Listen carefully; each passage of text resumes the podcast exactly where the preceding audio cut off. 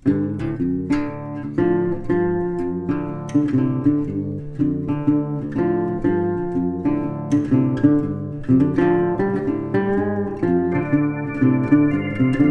selamat malam.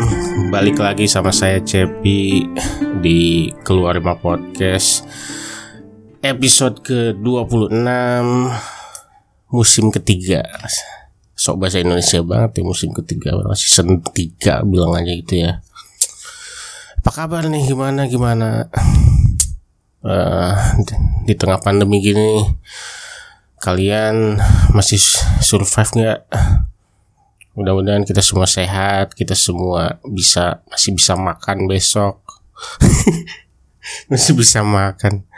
Insya Allah masih bisa kerja, masih bisa berusaha. Ya sebenarnya tiga bulan yang lalu saya itu pengen ngebuka season 3 podcast keluar rumah. Pernah waktu itu kayaknya tayang episode 0 saya namain sok-sokan episode 0 uh, namanya beranjak dewasa tapi sempat publish juga cuman kayaknya nggak nggak banget deh. Itu narsistik banget. Jadi ya udah tiga bulan kemudian ya hari ini uh, sepertinya ini saat yang tepat uh, sebelumnya thank you buat uh, teman kreator yang namanya Kang Demas dari Cianjur ya. Uh, um, waktu itu uh, tiba-tiba nge DM ngajak saya rekaman tentang seblak minggu lalu.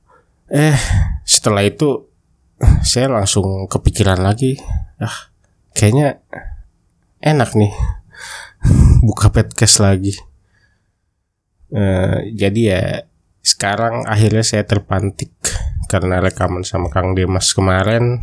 Thank you sebelumnya atur nuhun pisan. Uh, udah berhasil uh, menggaruk-garuk uh, apa urat-urat uh, podcast saya ini sehingga saya bisa membuka di season 3. Thank you. Kali ini saya pengen bahas tentang originalitas. Apa sih original itu? Gimana caranya menjadi original? Terus terang menjadi original atau menjadi autentik gitu ya kalau kata Mas Handoko Hendroyono uh, salah satu brand aktivis idola saya. Hmm, kelihatannya mudah, kedengarannya mudah. Kalau mau jadi original, ya udah jadi diri sendiri aja. Kedengarannya gampang. Tapi realitanya ternyata nggak gitu. Susah. eh,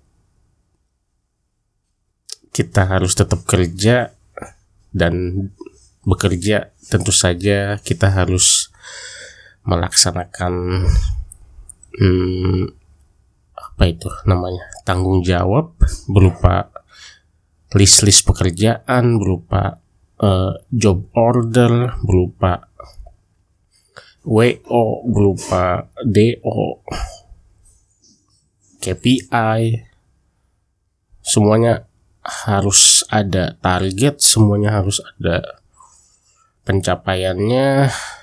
Dan kalau nggak mencapai target biasanya ada konsekuensinya. Dan itulah yang menimbulkan ketakutan di setiap orang sepertinya. Kayaknya bukan saya aja deh. Mudah-mudahan bukan saya aja. Uh, ya emang sih sekarang ini dunia serba gegas uh, zaman internet kayak gini ya siapa sih yang gak mau pengen kayak orang lain gitu? Misal ya kita lihat scroll scroll Instagram kita lihat ada uh, apa sepatu lah. Ada sepatu waktu itu beberapa belakang beberapa tahun ya setahun dua tahun belakangan kan musim tuh sepatu Onitsuka Tiger itu Tiger apa Tiger ya? Ya itulah yang nggak ada talinya itu. Gila itu. Dari anak SMA sampai ibu-ibu tante-tante karir pakai Onitsuka Tiger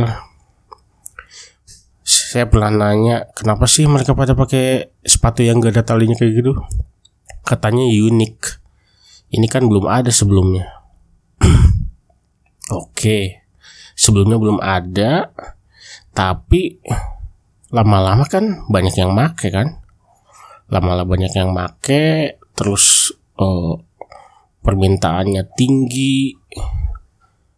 Otomatis uh, orang yang make Onitsuka Tiger itu yang gak ada talinya itu banyak banget.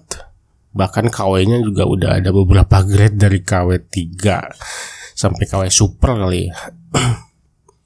Berarti apalah apa yang unik dong kalau semua orang make?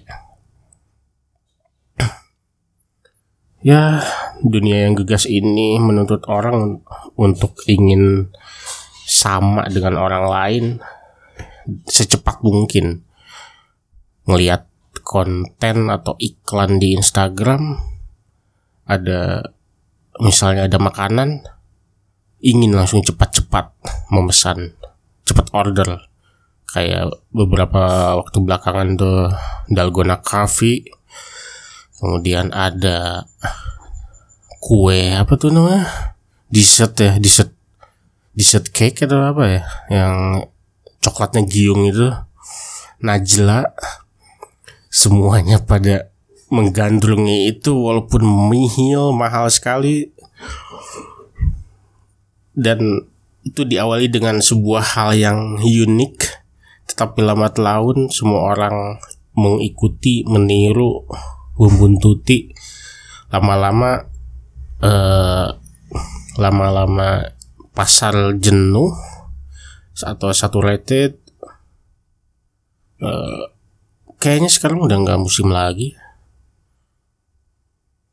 Hmm, nggak hmm, unik lagi semua orang bisa bikin.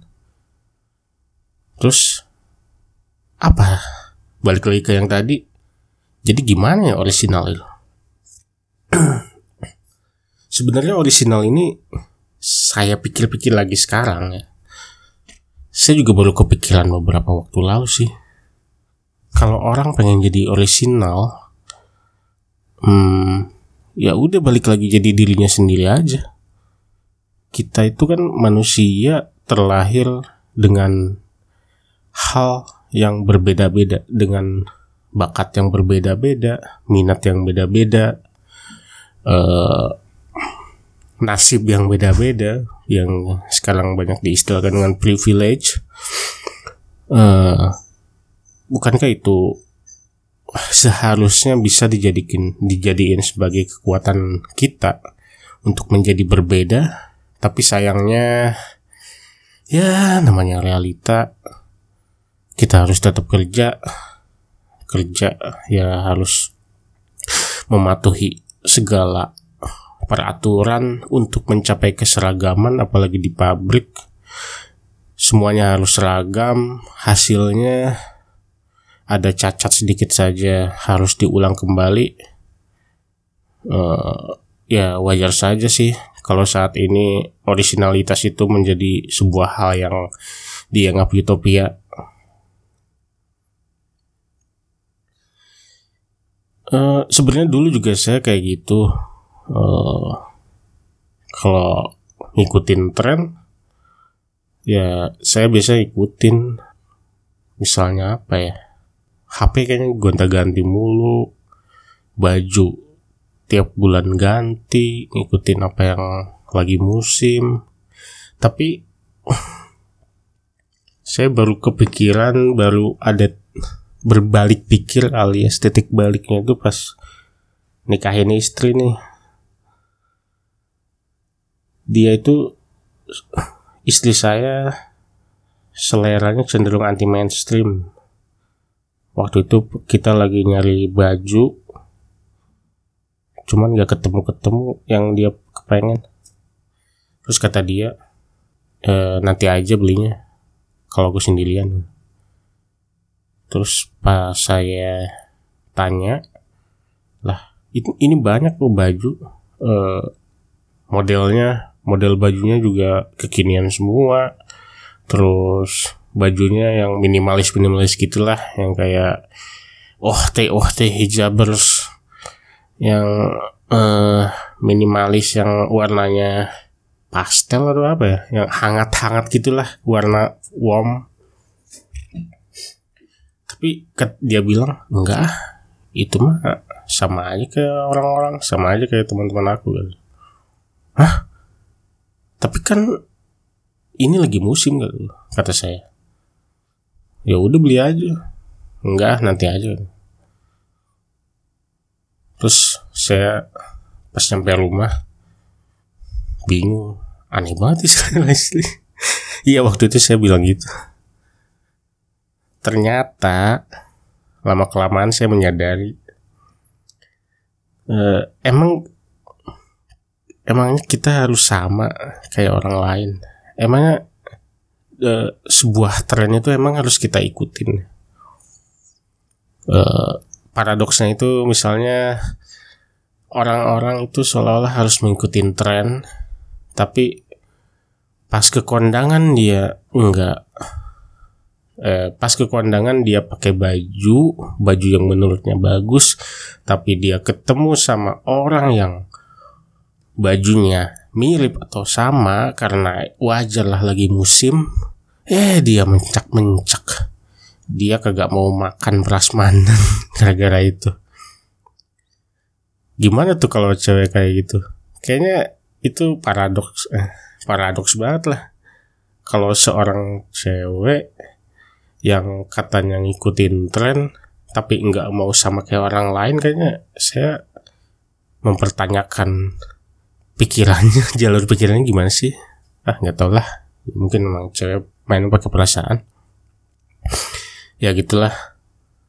Ya intinya saya uh, baru menyadari bahwa menjadi orisinal itu adalah uh, bukan hal yang mustahil.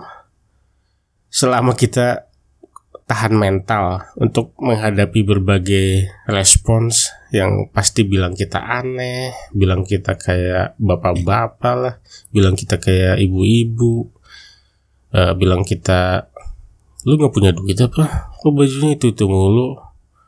Eh lu uh, apa? Lu pakai kaos baik. Emang lu maksud kebeg apa? Maksud kebeg mah kaya lu pakai kaos. Udah kayak tukang ini tukang pulung. Ya gimana ya? Kalau nyamannya kayak gitu gimana? Emang dari lahir seneng kaos atau seneng apa lah? Kalau orang yang mungkin emang nyaman dengan kemeja atau hem ya sudah. Uh, turutin kata hati aja gitu. ya itu masih orisinal dalam takaran mikro ya dalam hal berbusana. Bagaimana dengan berkarya? Emang bisa kita berkarya secara orisinal? Kalau kata Handoko Hendroyono uh, brand aktivis yang punya filosofi kopi sama M Block Space itu dia bilang sebenarnya sekarang adalah akhir era globalisasi. Sekarang adalah eranya start locally, mulai dari lokal, mulai dari yang hal yang kecil. Kata kata Mas Handoko, start small, malahan menjadi sebuah kekuatan atau strength. Jadi ya Amerika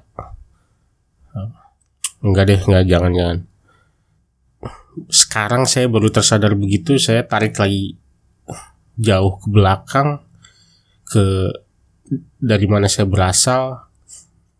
Ya memang saya dibesarkan dengan uh, ajaran untuk mencintai eksak mulai dari fisika uh, matematika. Dulu sih belum ada kimia ya. Matematika, fisika, eh, biologi kali. Yang esak-esak gitu mungkin eh, hal itu membuat pola pikir saya untuk selalu, selalu sistematis. Harus mengikuti eh, pakem eh, linier tidak random. Ya waktu itu aja setelah SMP saya masuk STM STM saya saya belajarnya listrik belajarnya alat kontrol yang fisika banget lah fisika banget sama matematik. Dan pokoknya uh, di situ saya harus mengikuti pedoman-pedoman atau step by step yang uh, sepertinya kalau tidak dilaksanakan maka hasil praktik nggak bakalan sukses atau ujian ujian praktiknya pasti gagal kalau ngikutin step by step yang diajarin sama guru. Ya mungkin kenyataannya di di lapangan juga gitu kali. Kalau kita nggak mau ngikutin aturan nggak ngikutin regulasi nggak ngikutin SOP ya bisa-bisa uh, pabrik meledak kali. Atau kebakaran ya nggak ada salahnya sih. Tapi ya ya setelah STM kemudian masuk lagi ke teknik kimia kuliah uh, ya nggak aneh lah. Pikiran saya masih linear. Hmm, antara iya dan tidak antara benar dan salah. Kemudian setelah saya sadari lagi uh, kayaknya nggak ada deh yang hal yang benar sangat benar secara absolut atau salah secara absolut kayaknya sekarang kayaknya kenyataan itu abu-abu ada sisi benar, ada sisi salah, tergantung dari perspektif kita melihat. Oke, balik lagi. Jadi gimana saya menjadi orisinal? Baru-baru ini sih saya melakukannya dengan cara bikin komik strip.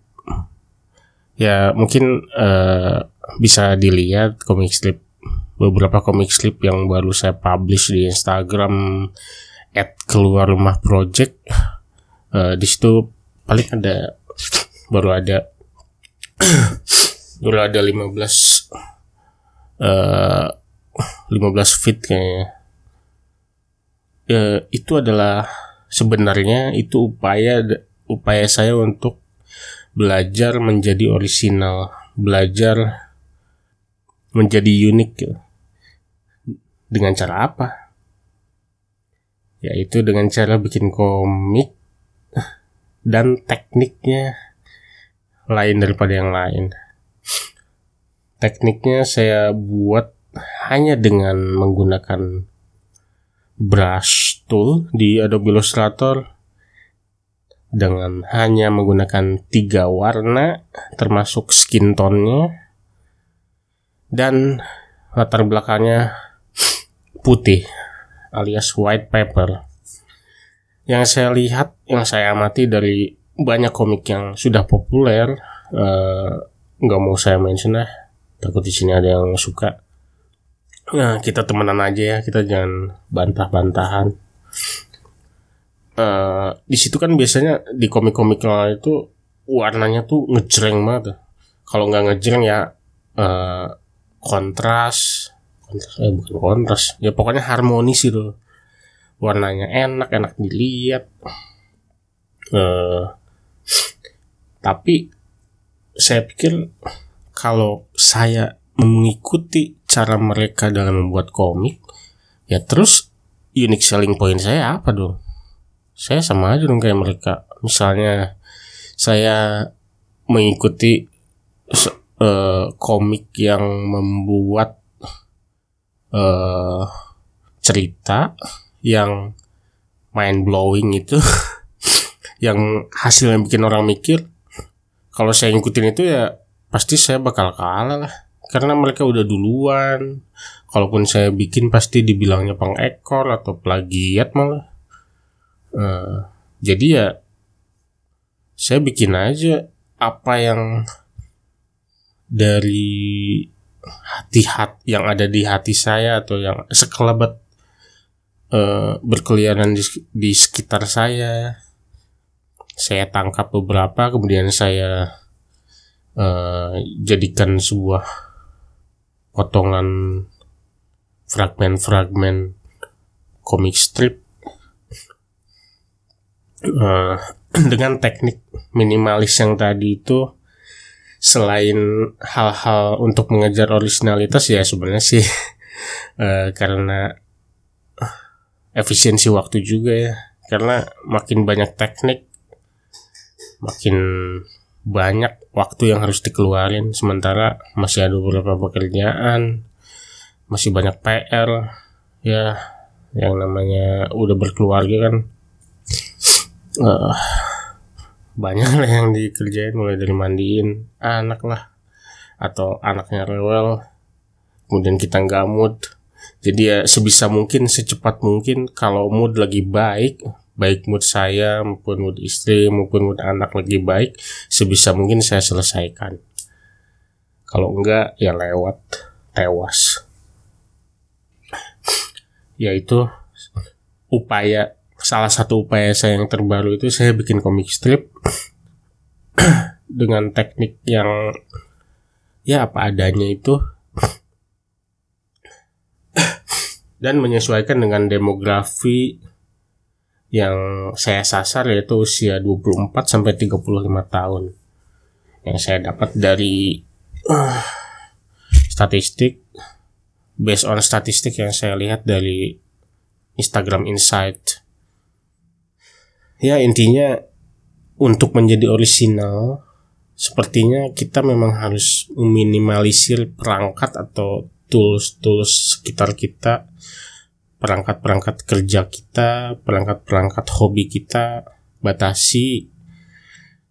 Uh, justru yang harus kita maksimalkan adalah gift atau karunia atau bakat yang uh, dengan cuma-cuma dihadiahkan oleh uh, sang pencipta kita uh, dengan sangat eksklusif kita terlahir dengan bakat yang berbeda-beda dengan keahlian yang uh, unik. Seharusnya uh, kita bisa memaksimalkannya uh, memaksimalkan pemberian Tuhan ini yaitu dengan cara metode analog alias sebisa mungkin dari otak langsung tumpah ke white paper atau ke kertas tisu mungkin.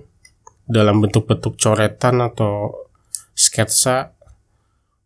Biasanya karena biasanya kalau semakin uh, pendek medianya semakin pendek uh, alih medianya semakin orisinal. Karena tidak ada lagi revisi, tidak ada lagi distraksi, tidak ada lagi uh, apa anxiety, insecurity, insecurity dalam ah gua gue bikinnya jelek nggak ya? Atau apalah ya? Ya udah sebodoh ting bodoh amat. Yang penting tumpah dulu ke white paper kita uh, apa aja yang sebenarnya kita inginkan atau apa aja sih yang sebenarnya kita lagi pikirin?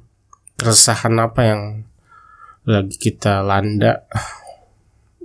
Dan ingin disuarakan atau ingin disampaikan melalui sebuah karya? Ya sudah tumpahkan dulu uh, perkara merapihkannya atau perkara uh, membuatnya menjadi bagus atau memolesnya menjadi karya yang bisa dinikmati itu urusan belakangan. Yang penting tumpahin dulu semuanya secara raw, uh, secara analog, ya sudah. kayaknya gitu deh kalau ingin jadi original dan sebisa mungkin kita jangan ikut-ikutan orang jangan ikut-ikutan tren ya gimana ya kita nggak bisa kok jadi kayak orang lain. Blok yang ada kita disangka plagiat. Sebaliknya justru kita harus menyelami diri, diri kita sendiri. Ah, ada apa sih sebenarnya? E, kekuatan kita itu apa? Kenapa? Dalam kasus saya ya karena saya graphic designer yang kemudian di sela waktu senggangnya membuat komik strip di Ad Keluar Mah Project ini karena jutaan karya visual mendistraksi mata kita masing-masing. Mata Anda-Anda ini setiap menitnya bagaimana caranya agar kamu tertarik pada sebuah pesan-pesan visual yang biasa aja. Yang nggak ada unique selling pointnya. Cuman bagus doang secara teknis. Atau cuman rapih doang. Cuman mer kalau case-nya menyanyi cuma merdu doang. Kayaknya ini nggak bakalan eh, nggak uh, bakalan ini deh nggak bakalan bekerja deh. Justru seharusnya kita uh, mengganggu ya dalam tanda kutip mengganggu karya-karya visual yang kini begitu seragam setiap harinya. Uh, dalam setiap setiap minggu itu selalu ada tren baru tapi semua orang seragam gitu misalnya pakai foto-foto ans dari yang diambil dari ans plus lah atau dari mana lah memang itu bagus secara teknis. Mungkin fotonya close up atau fotonya uh, uh, tajam ya. Tajam, vivid, color tone-nya bagus, tapi emang nggak khawatir itu. Bukan masalah copyright karena Unsplash itu gratis, maksudnya free copyright. Walaupun kita tanpa nyantumin siapa pemotretnya juga, tapi lebih ke masalah kesamaan apa peluang karya yang kita publish itu sama dengan banyak orang lainnya yang berpikiran sama untuk mendownload foto tersebut. Emang kita mau kalau kita sama dengan orang lain? Kayaknya enggak deh. Jadi intinya jutaan visual setiap harinya mendistrak mata kita masing-masing.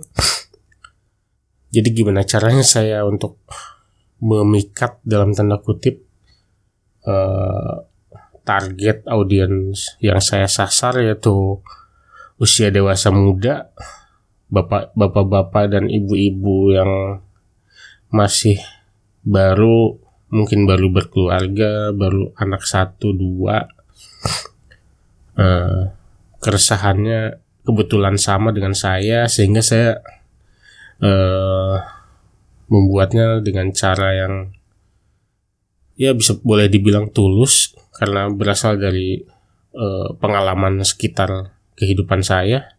Tentu saja dengan cara personal tapi belum tentu itu adalah pengalaman yang personal tapi saya membuatnya dengan cara personal oke sepertinya gitu aja untuk podcast keluar rumah episode 26 di pembuka musim ketiga ini. Uh, terima kasih sudah mendengarkan. Uh, saya appreciate banget uh, sama teman-teman yang selama ini udah support sama karya karya-karya saya di baik di Instagram at keluar rumah project maupun masih ada yang dengerin podcast ini enggak ya? ya saya ragu saya, saya ragu sih. Kayaknya sepi-sepi aja. Maksudnya uh, di statistik playnya ada streamnya ada. Cuman kayak kok nggak ada yang uh, upload di IG di IG story kayak atau apa kayak atau komen lah. Ya gimana? Gimana saya bisa tahu gitu. Eh emangnya koran dibaca doang? Bercanda bercanda. Ya makasih deh. Makasih buat kalian yang sudah support dengan cara apa pun dengan cara nge-like, dengan cara komen, dengan cara share, dengan cara uh, bookmark. Makasih. Mudah-mudahan di episode 27 saya bisa menampilkan konten podcast yang lebih baik dari sekarang. Dan tentu saja menjadi orisi uh, tentu saja membuat konten yang uh, orisinal sebagaimana bahasan di podcast keluar rumah episode 26 kali ini. Terima kasih. Uh, selamat malam. Eh, belum terus selamat malam ya. Oke, sampai jumpa lagi deh. Bye.